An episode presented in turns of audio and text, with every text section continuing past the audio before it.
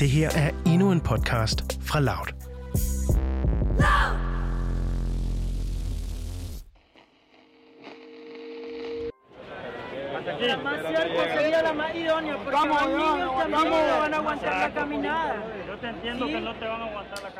Klokken er lidt over 4 om morgenen i Honduras' næststørste by, San Pedro Sula. Men aktiviteten ved byens transportterminal er stor.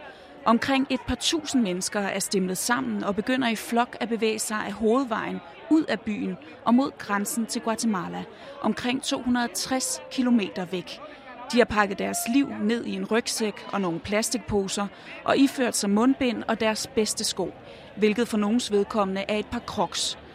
Nogle har små børn på skuldrene, andre skubber en kørestol. No, igualmente vamos a un sueño americano. Vi går efter den amerikanske drøm, siger en ung mand til nyhedsbureauet AFP, mens han går i mørket med sin kæreste ved sin side. Sí, tengo la esperanza, tengo la, tengo la fe en Dios y Jeg har håb og tro på Gud og på den gode person, USA har valgt. Biden er ikke ligesom den administration, der går af nu. Trump var egoistisk, lyder det fra en anden mand i karavanen, der lyses op af en kameralampe.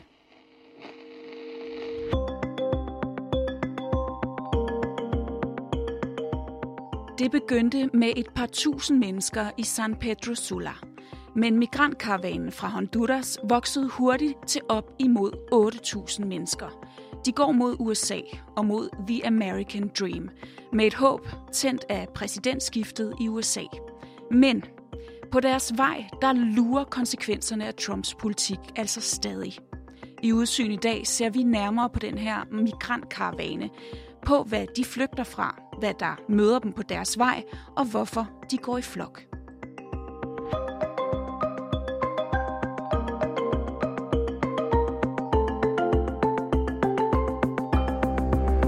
Du lytter til Udsyn. Din vært, Christine Randa. Det, det er en helt anderledes måde at se migration på i forhold til, hvad man har set før, fordi det er utrolig mange familier.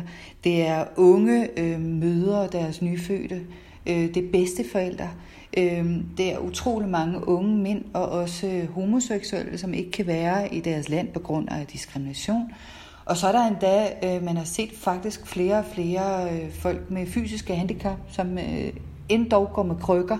Og det er jo en lang vej, hvis man skal 5.000 km afsted til USA's grænse, at der også er så mange handicappede med.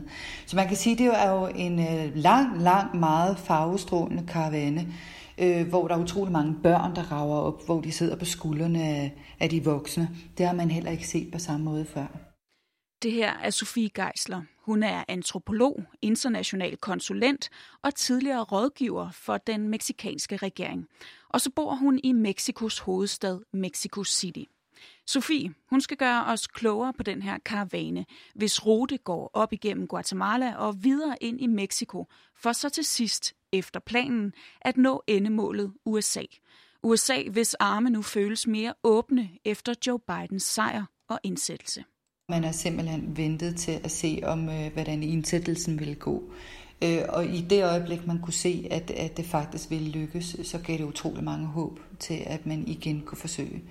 Og mange fra karavanen nu her har jo også sagt, jamen øh, det er nu, vi begynder at gå, det er nu, vi gør vores største indsats for at komme videre til USA, for nu er der håb igen. Bare det, at Kamala er der, siger de, det giver os håb, og de refererer selvfølgelig til Kamala Harris, den nye vicepræsident, som selv kommer fra migranter. Men allerede få kilometer inde i Guatemala blev store dele af den her håbefulde karavane stoppet og sendt tilbage. Øh, lige nu der er en del af karavanen i opløsning. Øh, her forleden dag, der, da de kom til Guatemala, der kom de ikke mere end omkring øh, 30-40 km ind i landet, og der var stod en massiv mur af, af militær og politi for at forhindre, at de kom videre op gennem Guatemala.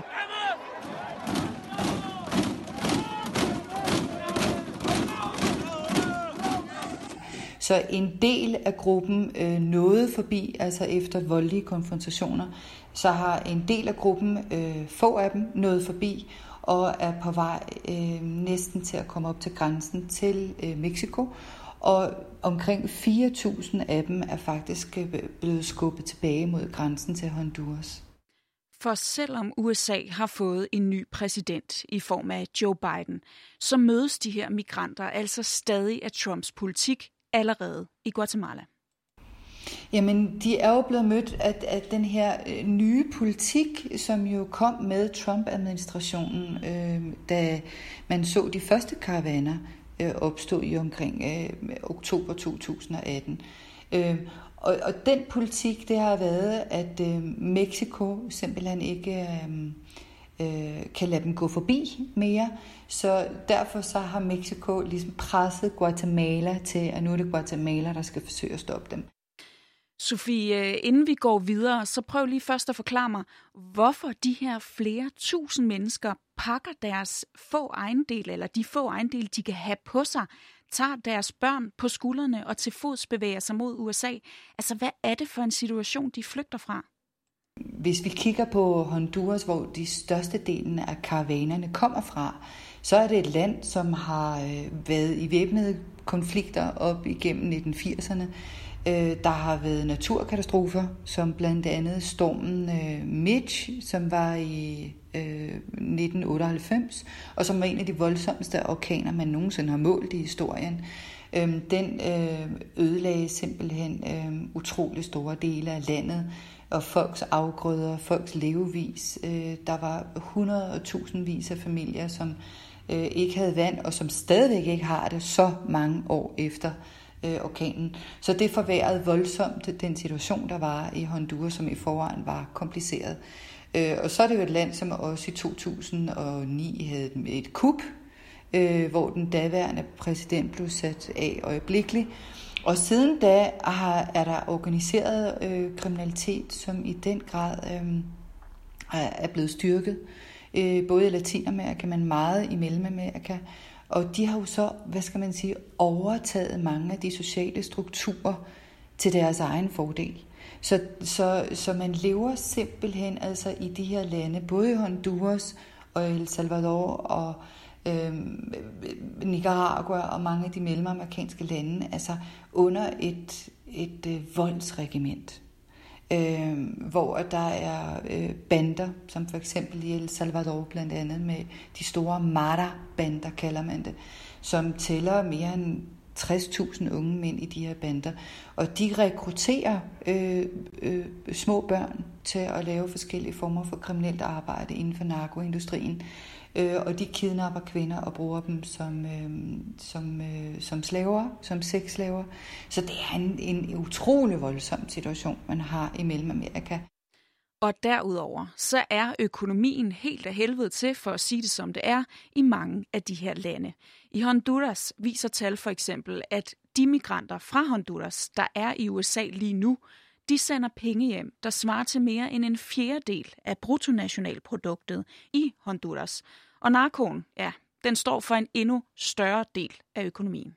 Når det er et, et, et, et land, som har så dårlig økonomi og så stor en fattigdom, øh, og som samtidig øh, er de lande, hvor der er de højeste morrater i hele verden, øh, jamen så er det jo en, en kamp. Hver eneste dag er en kamp. Og mange af de øh, folk, som der har været interviews med i øh, karavanerne, jamen de siger, jamen selvfølgelig kan jeg blive slået ihjel på vejen til USA, men der er langt større muligheder for, at jeg ikke får en fremtid, og jeg ikke lever om nogle år, hvis jeg bliver hjemme. Og derfor er det altså heller ikke første gang, at vi ser folk flygte fra Honduras og andre mellemamerikanske lande. Førhen flygtede de bare på en anden måde. Det har jo altid været sådan, at øh, unge mennesker, eller nogle gange familier, men hovedsageligt unge mennesker, har forsøgt at flygte i bitte små grupper, eller måske endda på egen hånd, og flygte op igennem hele Mellemamerika og komme til USA øh, ved hjælp fra øh, de her, hvad skal man sige, menneskesmuglere. Men i oktober 2018, der så vi pludselig for første gang, at de begyndte at bevæge sig i de her store karavaner. Der var utrolig mange rygter på det tidspunkt om, det var den store demokratiske milliardær i USA, George Soros, der havde organiseret det, eller om det måske var nogle anti-Trump-folk, der havde organiseret det. Men i virkeligheden så var det et Facebook-opslag, som lød sådan her, jeg oversætter her fra spansk, som lyder, Folk bliver ved og ved med at flygte fra vores land for denne forfærdelige økonomiske situation og for den brutale vold. Vi er udsat for så mange risiko, øh, risici, som for eksempel ulykker, overfald, øh, smugler, bedrag, afpresning, kidnapninger og mor på vores vej til USA. Så alle, der har planer om at forlade landet, gå ikke alene. Gå ikke selv. Lad os gå sammen. Som det tydeligt fremgår her, så er turen til USA en farfuld færd, især hvis du bevæger dig alene eller i små grupper. Og blandt andet turen op igennem Mexico kan være særligt fatal. Der er omkring 500.000 mennesker, som forsøger at krydse Mexico hvert år. Tallene er lidt usikre, men øh, øh læger uden grænser estimerer, at omkring 20.000 af dem forsvinder. Andre siger, at der bare på de sidste fem år, for de forsøg, der har været både på almindelige øh, unge øh, små grupper af unge mennesker eller mindre karavaner, at der de sidste fem år er forsvundet mellem er omkring 70.000 mennesker på deres vej gennem Mexico. Så det viser jo virkelig, at det her er en farlig færd. Selvom der er utrolig mange mennesker og hele landsbyer, som hjælper dem, masser af organisationer, øh, masser af menneskerettighedsforkæmper, aktivister, øhm, øh, øh, grupper af unge, som ønsker at hjælpe migranterne på deres vej, så er der stadigvæk en situation med organiseret kriminalitet i Mexico, øh, som, øh, som bruger migranter, som kidnapper migranterne, og som øh, bruger dem til, øh, til narkohandel. De står i laboratorierne øh, som, som slaver, øh, hvad skal man sige, en moderne form for slaver, hvor de arbejder i laboratorierne, eller hvor de bliver trænet til at være legemordere, og når de er blevet øh, brugt til de jobs, de skulle øh, bruges til, så øh, skyder man dem. Øh, så derfor er det, at, øh, at mere end 20.000 øh, forsvinder hvert år. Og med det her i mente, så gør det altså en kæmpe stor forskel at rejse som en karavane flere tusind mennesker sammen. Så i stedet for at rejse i de der små grupper, hvor man ofte er skjult i bagagerum og kasser eller i ly af mørket for ikke at blive opdaget, jamen så går man jo nu i fuldt dagslys. Øh, og man er ikke små grupper, man er 6, 7, 8 og 9.000 mennesker sammen. Så det er jo en helt anden måde, øh, man kan blive, man, man bliver beskyttet på. For det første, så skal man jo ikke bruge alle de mange penge, man skal spare op til, til menneskesmuglerne. Øh, der er mange mennesker i den her karavane lige nu, der siger, jamen de forlod deres hjem med 4 eller 5 dollars på lommen. Øh, så, så, man, så, så de skal ikke have de penge.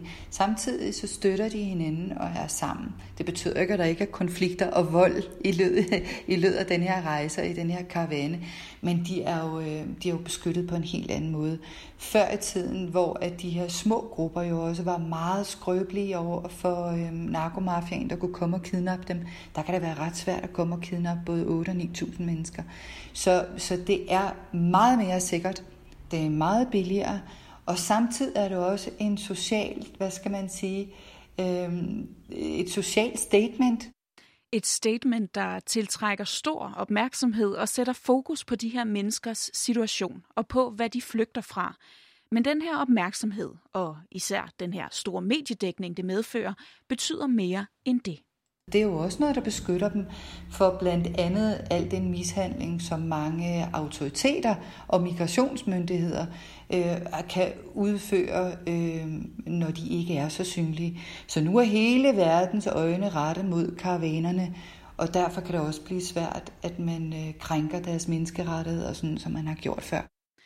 Det lyder jo umiddelbart som en meget smart og ikke mindst sikker strategi at bevæge sig i de her karavaner.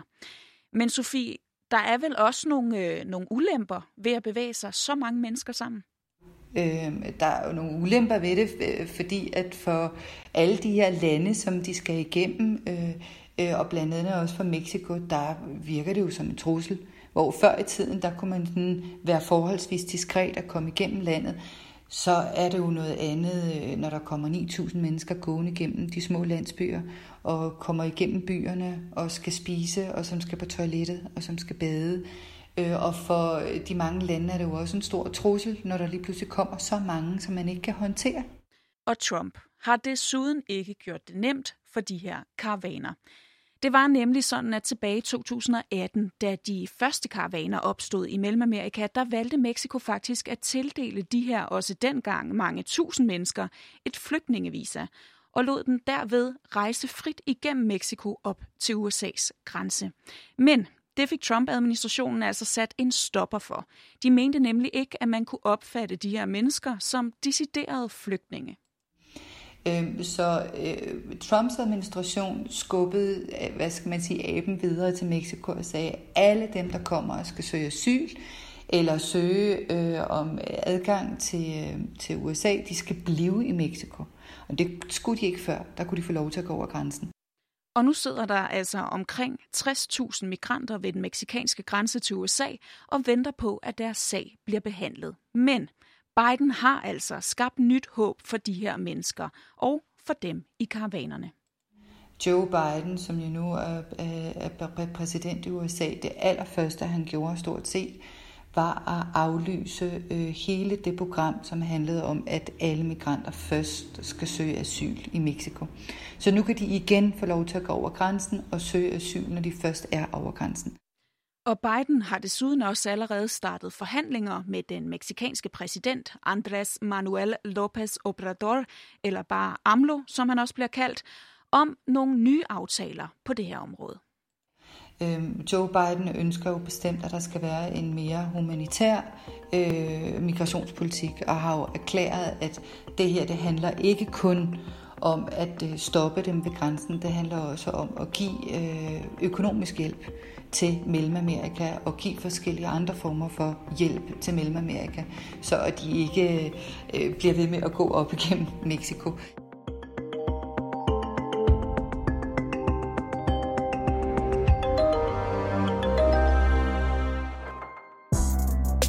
Det her var en aktuel podcast fra Loud.